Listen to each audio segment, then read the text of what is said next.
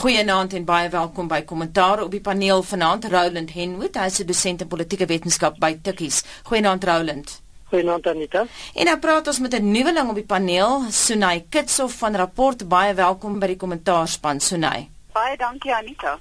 En dan gesels ons met Marie Harris van Ipsos. Marie, goeienaand. Goeienaand Anita en almal. Die stories van die week, die nuutste oor die Guptas werkloosheid neem toe. Ys Magashule herverkies as ANC premier in die Vrystaat, die Nigeriese amptbesoek, die Wêreldekonomiese Forum wat in Kaapstad plaasgevind het en die Weermag haal rapport se voorblad vir al die verkeerde redes. Sonye daaroor geskryf en ons gaan later daaroor gesels. Maar kom ons skop af met uh, vinnig die Vrystaatse premier Ys Magashule sê hy is verootmoedig oor die steun wat hy in die Vrystaat ontvang het. Kom ons gaan vinnig na jou toe Marie. Nie 'n groot verrassing verrassing Daniel of hoe?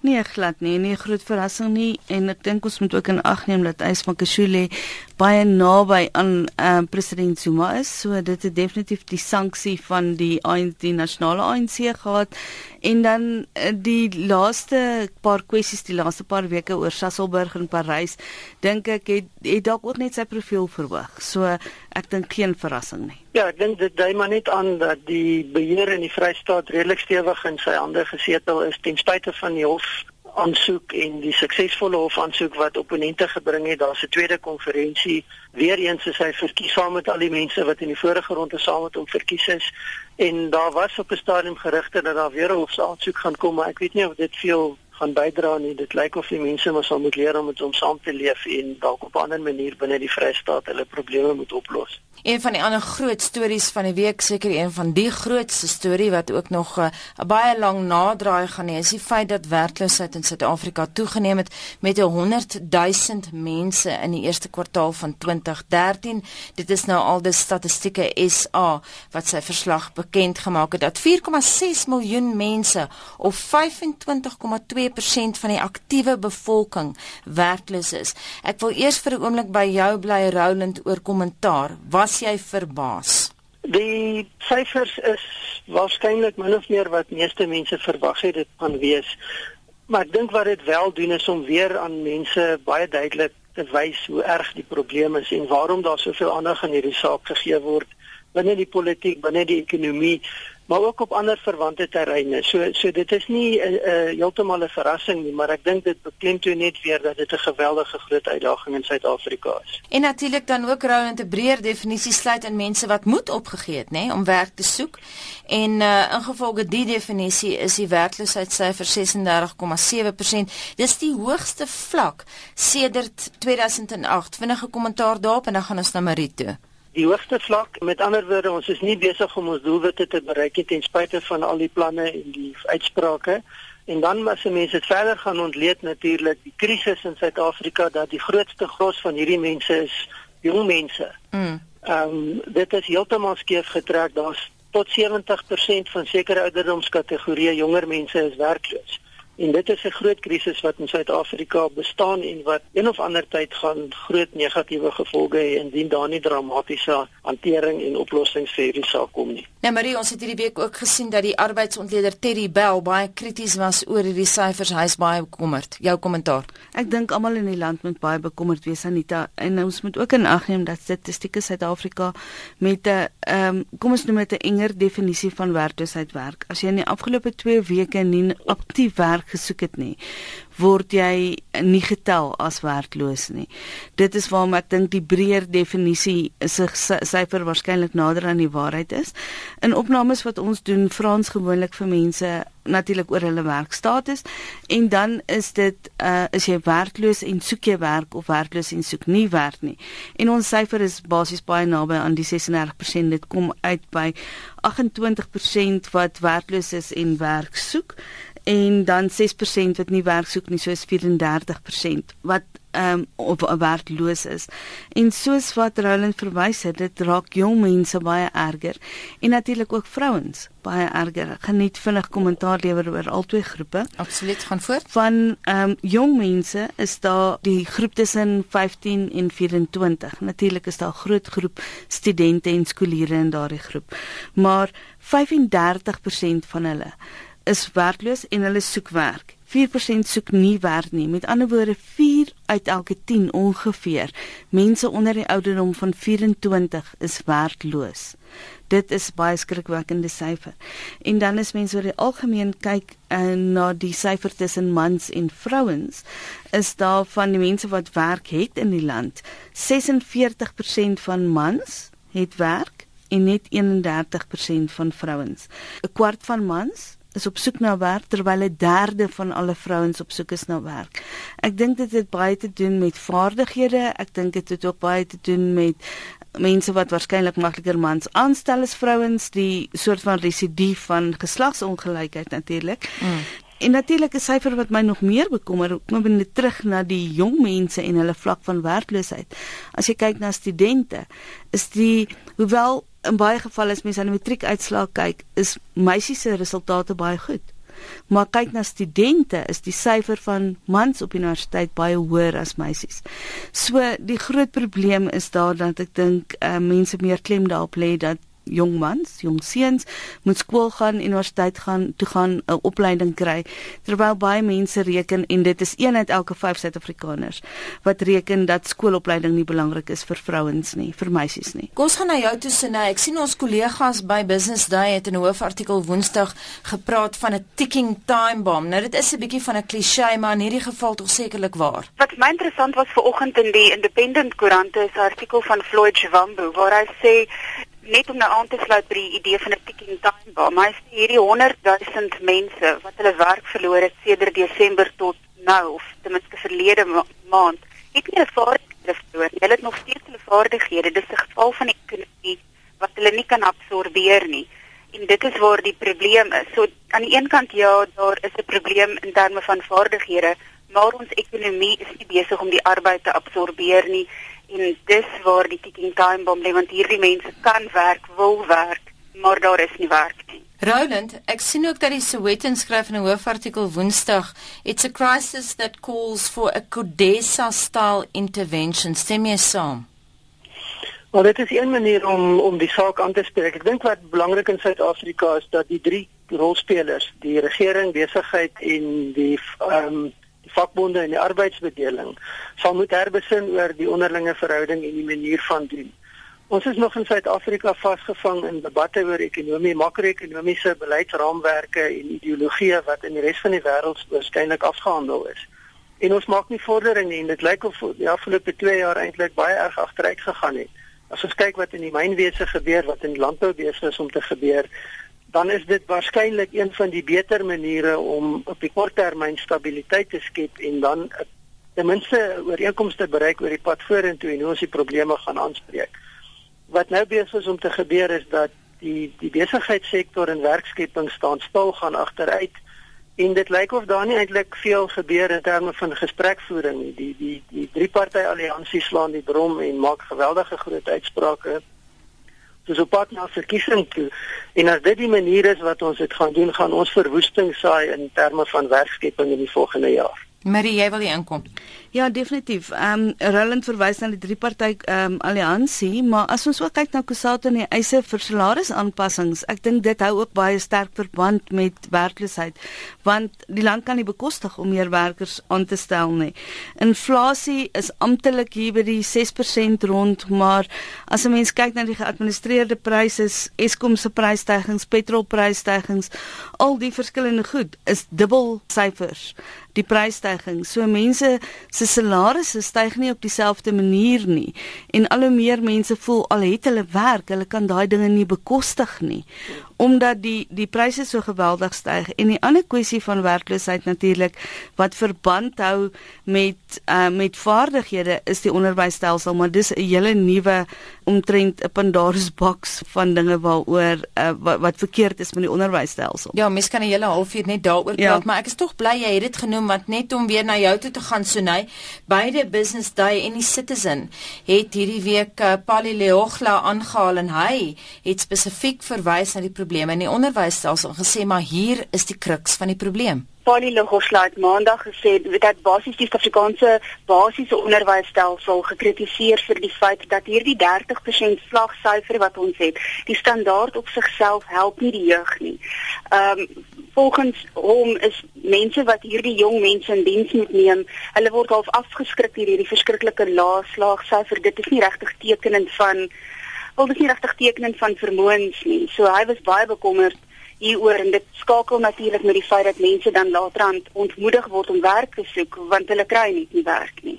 Kom ons gaan vinnig terug na jou toe Roland om met werkloosheid ons almal raak en ons sien ook die nuutste nuus natuurlik hierdie naweek ook is dat Amplats nou van 6000 mense ontslaag gaan raak. Hulle wou aanvanklik natuurlik 14000 mense die trekpas gee en uh, business uh, die uh, Business Times skryf vandag reg van high noon at Amplats. Dit uh, pas ook by die groter prentjie van werkloosheid in want hierdie mense het natuurlik almal afhanklik is. Maar dit is 'n groot krisis en en wat jy hier het is 'n direkte botsende belang en dit is die die ehm um, maatskappy wat met winste toon wat met beleggers tevrede stel, aandeelhouers tevrede stel en dit in 'n omgewing waar die wêreldekonomie net eenvoudig net nie aan die gang kom nie. En nou sit jy met die brood en botter sake en letterlik die oorlewing van mense wat afhanklik is van daai inkomste en 'n klomp van hulle gaan hulle werk verloor. En dit is waarom die gesprek wat handel op die stadium is 'n uitsluitende gesprek. Dit gaan oor dubbelsyfer eise vir salarisverhogings, dit gaan oor allerlei dreigemente en eise uit die vakbondgeleedere. En die regering is op die stadium besig om beide kante te probeer tevrede hou. Deur uitsprake, ons ons sien die uitsprake oor onderwys en dit in 'n week waar 'n ander verslag uitkom wat sê maar ons onderwysstelsel is in 'n krisis. Ons is nie besig om 'n skoolstelsel te bou wat kinders kan op die vlak bring om in 'n omgewing waar ekonomiese groei en welvaart geskep moet word te kan funksioneer nie. Ons sien die die die wetgewing wat Rob Davies besig is om voor te berei en wat ingedien is en vrygestel is. Mm. Daar's soveel teenstrydige syne wat uitkom dat ek dink mense net eenvoudig oorweldig word deur wat gebeur en dit lyk nie of daar enige sinvolle fokus en uitkoms op die stadium is nie. Beeld het donderdag geskryf uh, en verwys na Ipsos. 'n Peiling het gewys dat die groter maatskappye eintlik werk skep eerder as die klein sake sektor. En dan het Beeld geskryf uh, Ibrahim Patel spog dat die nasionale infrastruktuurprogram 150 000 poste geskep het, maar dit is tydelike konstruksieposte. Marie. Ja, absoluut. Uh, ek het vroeër verwys na die definisies hierdie 150 000 poste wat sogenaamd ges is geskep is. Dis nie volhoubaar nie. Dit behoort nie eens getel te word mm. in poste wat geskep word nie. Ehm um, daai mense, daar's geen kans om hulle in die arbeidsmark te absorbeer oor die lang termyn nie. Op kleiner maatskappye is daar geweldig baie druk um, en dis waarom hulle nie mense in diens neem nie. Die arbeidswetgewing is 'n remskoen vir kleiner maatskappye. Dan net ook die laaste punt wat jy genoem het oor die ekstra las op die staatskas. Mm. Baie interessante feit is dat een uit elke 4 mense wat werk het vir die staat werk. Met ander woorde, die res van die mense wat werk betaal in effek hulle salarisse. Dit is 'n baie ehm um, ek dink 'n baie ongesonde posisie vir die land om in te wees. Kom ons uh, gaan na 'n groot storie van die week of liewer 'n nadraai van 'n groot storie wat uh, verlede week gebars het. Dis natuurlik die Guptas. Ek moet sê, liewe paneellede, die beste beskrywing nog van die Nouveau Riche oordaat van die Guptas is vandag te lees in die Sunday Times waar die joernalis Carlos Amato dit beskryf het as 'n barrage of psychotic expenditure. So nee, die media het gebal jaar, maar tereg. Ons sien vandag dat die Sunday Times en die Sunday Independent geskryf het dat die Guptas diplomatieke paspoorte wou hê. Ja, dit is natuurlik 'n baie vreemde idee dat hulle diplomatieke paspoorte wil hê want hulle is nie diplomate nie. Dit is die eerste verrassing hier. Natuurlik het die regering dit ook afgewys, maar daar is amper al 'n vermetelheid soos die storie ontvou of nou die nadraai nou begin al hierdie klein goedjies uitkom dat daar is amper al so vermetelheid in die stappe wat die troue vooraf gegaan het. En ons het verlede week gehoor dat daar was aan die verdedig aan die departement van verdediging gevra dat hulle kan land by die Waterkloof lugmagbasis nou hoor ons dat hulle ook gevra vir diplomatieke paspoorte hmm. nou die ding is met 'n diplomatieke paspoort beteken dit sou nie 'n eenmalige voorreg gewees het en dat hulle van nou totdat die paspoort verstryk hierdie voorregte wat met diplomate verband hou dat hulle sou kon baat vind daarbey elke keer weer rooi tapuit behandeling sou kon verwag en dit dit is net verbuisterend. En Roland het die Sondagkoerante bal jaar met 'n lys van arrogante eise en vergrype deur die Guptas vir uh, luisteraars wat dit nie raak gelees het vandag nie. Onder meer 'n eis dat die lughawe maatskappy Axa 'n 950 000 rand inskrywingsfooi per maand betaal sodat die New Age by al die lughawe in die land versprei kan word. En dan is daar gerugte, let wel gerugte na bewering soos wat die media skryf dat daar dwelms op die omstrede vlug van Delhi na Waterkloof was, maar nog te veel vrae. Ja, ek dink die die hele konteks wat hier gebeur is 'n groep mense wat ekonomies welvarend is, wat daarmee saam vir hulle mag toeëien en begin om die staat toe te eien. Die aandrang op diplomatieke paspoorte indien dit waar is, is presies dieselfde as die gebruik van die Waterkloof lugmagbasis. Dit is nie gewone landsburgers beskore nie, nog minder mense wat dood eenvoudig omdat hulle geld het dink hulle kan dit doen. Die vraag wat weer eens hier na vore kom is, wat is die verhouding met die president en die presidentskap en wat is die gebeure wat hier vooraf gegaan het dat mense dink dat dit hulle reg word om so behandel te word en so te kan optree. En op die stadium is daar nog glad nie aandag gegee en enigstens van die, die presidentskap se kant af gereageer op hierdie beweringe nie. Dit is nie iets wat sommer net uit die lug val nie. Daar's 'n konteks en daar's waarskynlik geskiedenis van interaksie en geskiedenis van toegee aan eise of die gee van voorregte waar dit nie behoorlik is en nie wettig is nie en daarom lei dit tot meer en meer. Ek wil net graag inkom. Ek wil net aansluit by wat Roland sê. Iets wat die die politieke joernaliste die afgelope paar weke soos hierdie storie ontvou, weet onder mekaar bespreek is dat wat ook al vooraf gegaan het, veral in verhouding met die president, moes daar by die Gupta's agterhalf 'n verwagting gewees het dat dit is oukei okay om te vra wat ons gaan vra.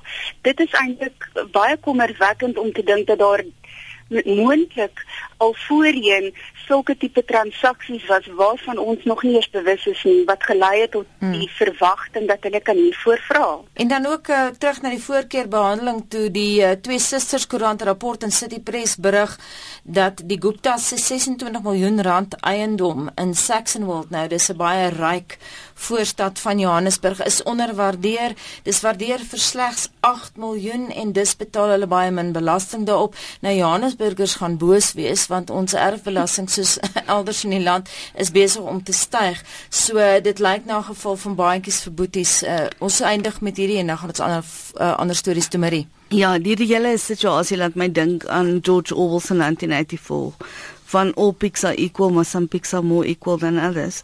So uh, die interessante ander storie oor die Guptas, ek wil dit net graag noem, is dat die Vrystaat en Ysmakashule ook 'n rol te speel het want blykbaar het die Vrystaat 'n uh, uitnodiging aan een van die dis soos 'n uh, MEC, 'n lid van die uitvoerende komitee van Uttar Pradesh gestuur om um, met te skakel met die departement van landbou en openbare werke in die Vrystaat. Nou, dit is heeltemal soos hulle sal sê in Engels above board. Die interessante feit vir my is dat Ysmakashule se seun, Tsepiso, werk vir 'n maatskappy wat aan die Guptas behoort. Hmm. Kom ons beweeg weg van die Guptas. Ek dink ons gaan nog baie hoor oor die Gupta storie, maar kom ons kyk vinnig na rapport se hoofstorie vandag en ek weet eh, Sunay toevallig word jou naam in die berig genoem. Die weermag is onder die soeklig. Die weermag is inderdaad onder die soeklig en uh, die voorval in Maart met die 13 soldate wat in die Sentraal-Afrikaanse Republiek gesterf het. Dis asof daar skielik hierdie blik op die weermag is en ons hoor van al die dinge wat gebeur, maar wat nou gebeur is heeltemal onverwant. Dit is begrotingsverwant en die hoeveelheid poste wat verloor gaan word, daar is mense wat en dit is 'n baie interessante taal gebruik die wat in die strategiese plan geëlimineer gaan word ehm uh, voorts kan daar natuurlik ook nie rekrute in diens geneem word nie. En toe het ons nou ook verneem dat daar is regulasies wat by die regering bekend gemaak is. En dit is dat 1 miljard rand vir staatshulp vir militêre veterane gaan. Nou as mens alles bymekaar bring dan is dit 'n baie vreemde idee om te dink daar is geld vir een aspek maar nie vir ander nie, maar dit is amper of die, die verhaal van die weermag dan kry die vloot geld, dan kry die lugmag nie geld nie. Trouens die lugmag kry al te lank nie geld nie. Mm. Daar is eintlik net te min geld om ons weermag aan die gang te hou om te doen wat hy moet doen net plaaslik. Net as ons kyk na grensbeveiliging Ons het nog nie eens gekom by die beloftes wat die president maak met betrekking tot ons vredesendings op die Afrika vasteland nie.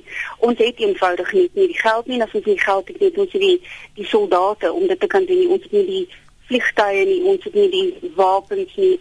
Dit ons is besig om te bloei. Enige kommentaar van jou kant af, Roland? Ja, die weermag is in 'n krisis. Die begrotings klop nie met die eise en die verwagtinge wat gestel word nie. Die personeelbeleid klop nie met die eise en die verwagtinge nie. Almal wat met die weermag te doen het, lyk op die stadium of hulle sit en wag vir die hersiene wetskrif wat vrygestel word een of ander tyd. Die proses wat deur meneer Roofmeyer gelei word en die hoop is dat daar baie meer duidelikheid sal kom op wat is die prioriteite, wat is die vereistes, wat is die belange van Suid-Afrika en hoe dit dan befonds gaan word.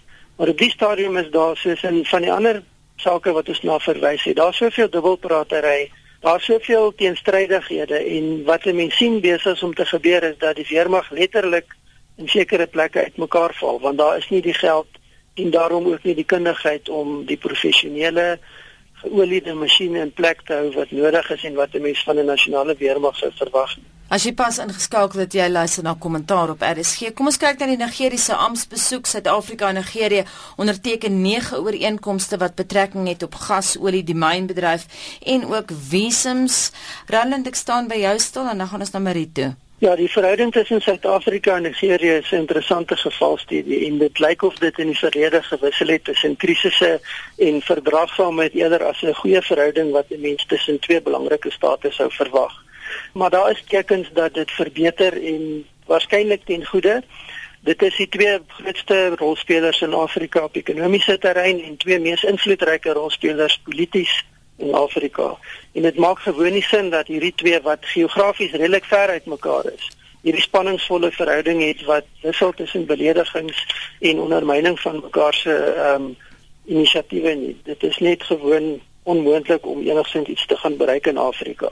So dis 'n baie belangrike ontwikkeling die hoop is dat dit in plek sal bly en dat dit sal lei tot die realisering van al die mooi dinge wat in die toekoms gestel is deur die twee leiers tydens hulle ontmoetings. Nou die Mailing Guardian het ook 'n bietjie raad gegee. Ek wil net vir 'n oomblik by jou bly Roland en gesê dat uh, miskien met Suid-Afrika nie net sommer oral betrokke raak nie en nie net in Wes-Afrika nie want dit irriteer die Nigeriërs, maar byvoorbeeld die SAR fiasco. Ek dink belangrik sou wees dat daar meer ehm um, samesprekings tussen die twee lande sal kom oor sake van gemeenskaplike belang.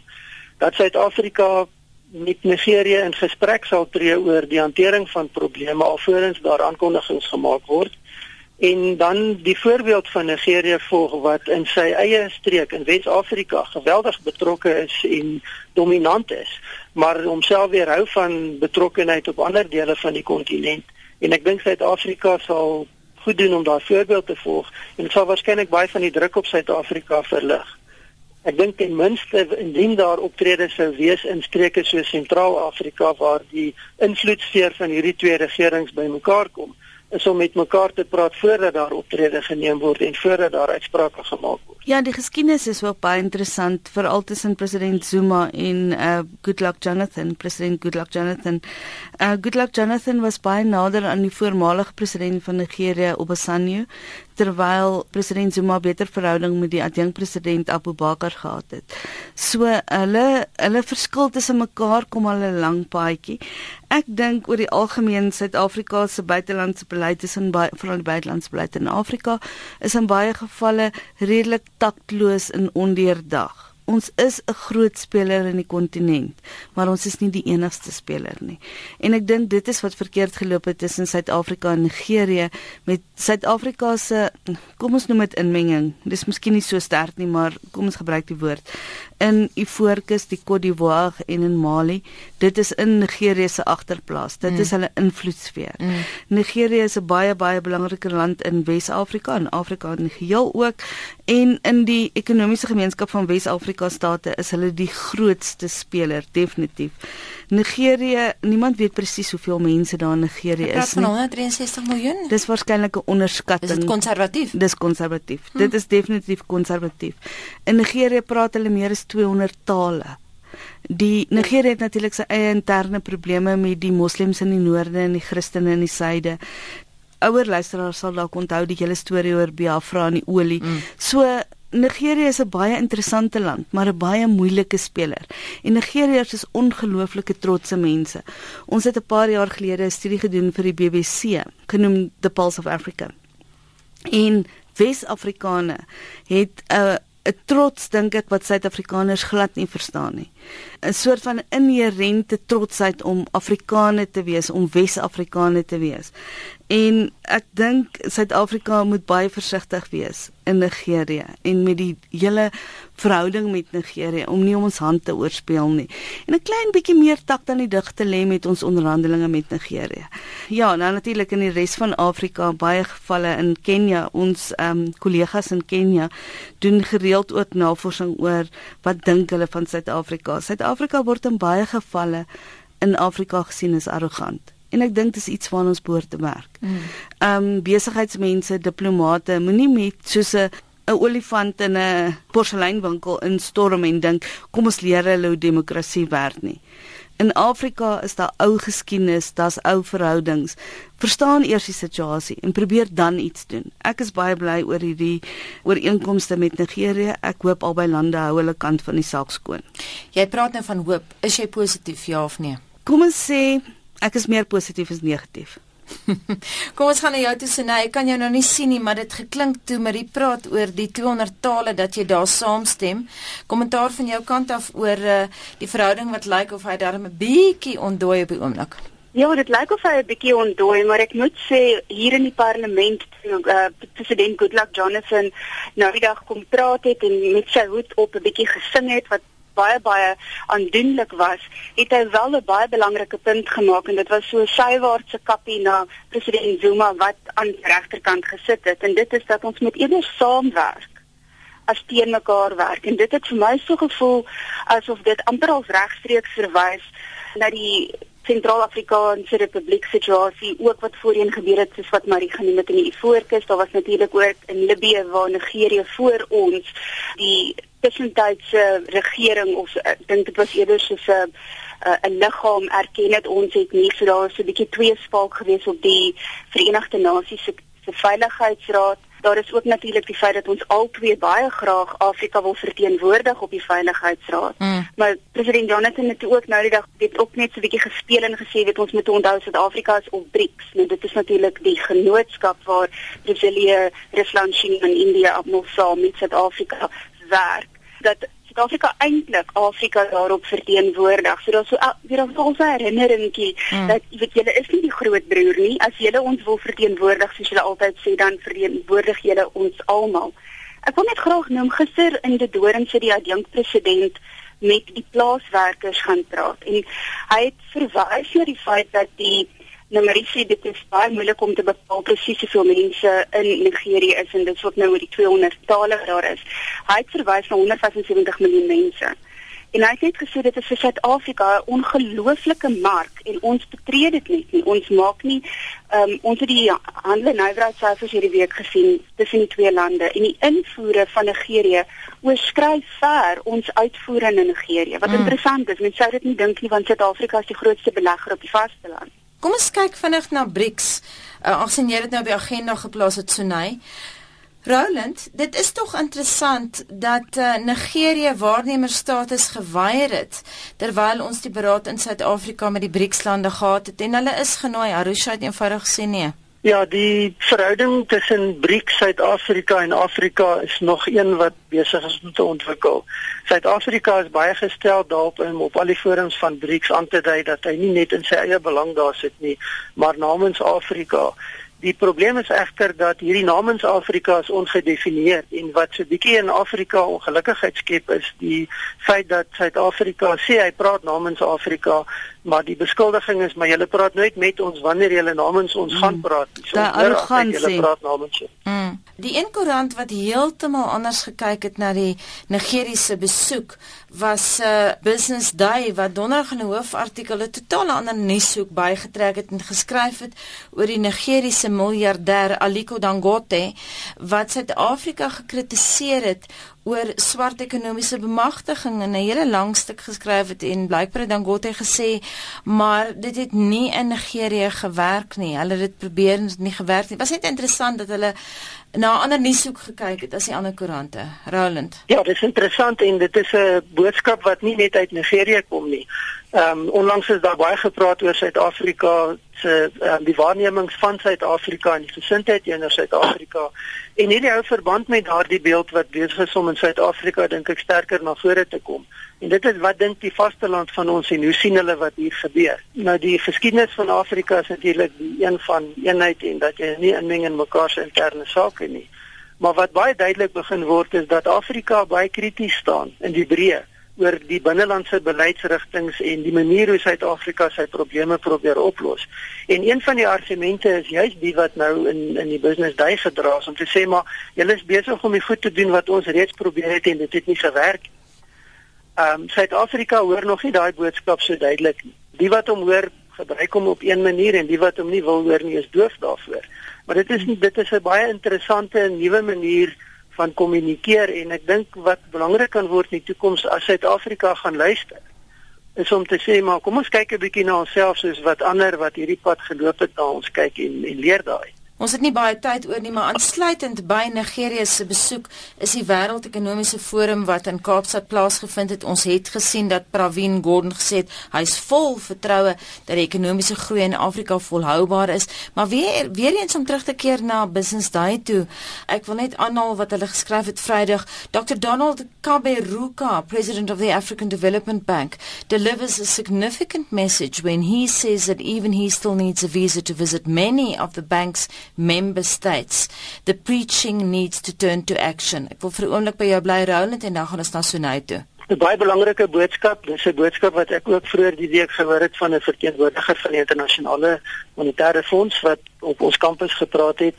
En dit is die ons weet 'n klomp dinge wat moet gebeur en ons weet wat is die voordele wat ons het en al die hulpbronne wat ons het, maar wanneer gaan daar iets gedoen word? En ek dink dit is wat belangrik raak. Mense begin op die punt kom want sê maar dit help nie ons hou aan praat en ons droom drome nie. Ons moet hierdie goed omskakel in aflewerbare beleidsprojekte en produkte sodat mense die voordele kan trek. En dit is nog nie besig om te gebeur nie. In Afrika word baie gepraat oor integrasie en die makliker handel en die klem van handel intra-Afrika handel. Maar daar is soveel strekelblokke, bureaukratiese strekelblokke, belastings wat gegee word, grense wat ontoeganklik is. Afrika kan nie met mekaar handel dryf nie want Afrika se beleid en riglyne is nog gemik op Europa en veral Wes-Europa. En nou begin ons kyk na Asië. Ek dink die oplossing vir Afrika lê op die kontinent in die eerste plek. Dit is waar die belange van die meeste mense is. Maar die die beleid moet geskep word en die geleentheid moet geskep word sodat hierdie ekonomiese moontlikhede ontgin kan word. So nou vinnig na jou toe. Hier in Kaapstad by die Wêreldekonomiese Forum natuurlik aan die rand is daar altyd baie geselfies en dit's baie interessant wat Dr. Kaberuka gesê het want sy kollega professor in Tulin Kolbo het presies dieselfde gesê. Hy het gesê net om van Tunesië af te vlieg Suid-Afrika vat so lank dit maak geen sin nie.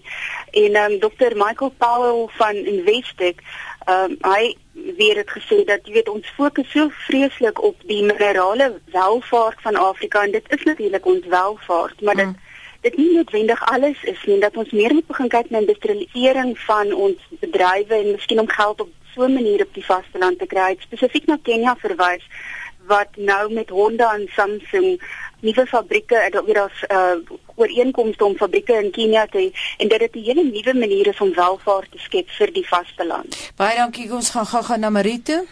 Twee dinge. Ek dink definitief Afrika het ekonomiese beraad nodig om Afrika meer met Afrika te laat handel dryf. En dan die groot kwessie is oor die byvoorbeeld die Lomé konvensies met die handel met Wes-Europa. Afrika state stem nie eers saam oor wat daar aangaan nie. Mm. Die ander kwessie wat ek wil noem is China en China se invloed in Afrika. As 'n mens al die Afrika state se bevolkings bymekaar sit, is dit wel 'n klein bietjie minder as wat die Chinese is maar baie interessant China knoop individuele betrekkinge met verskillende lande aan. Ek dink Afrika state het 'n geïntegreerde beleid teenoor China en samewerking met China nodig. En dalk 'n stukkie nuus ook volgens 'n verslag saamgestel deur 'n paneel onder voorsitterskap van Kofi Annan, kosmaatskappye wat winste verdoesel om laer belasting te betaal. Die vaste land, dis nou Afrika, 34 miljard Amerikaanse dollar per jaar. Laaste woord aan jou Marina, groet ons ek dink oor die algemeen is dit 'n noodsaaklik dat die ekonomiese beleid en dan ook die belastingkwessies baie meer kom ons sê net die, die drade moet nouer getrek word en daar moet ehm um, beter moniteringstelsels beter moniteringstelsels om korrupsie uit te skakel. Baie dankie laaste woord vanaand aan Marie Harris. Sy is natuurlik hoof van Ipsos in Johannesburg. Baie dankie vir die saamgesels. Baie dankie Anita. En baie dankie aan uh, Sunay Kitsoff van Rapport. Dankie vir jou insette Sunay. Baie baie dankie dat julle my vanaand verwelkom het en groete Anita. En baie dankie aan Roland Henwood, dosent politieke wetenskap by Tikkies. Dankie Roland. Dankie Anita, lekker aan julle.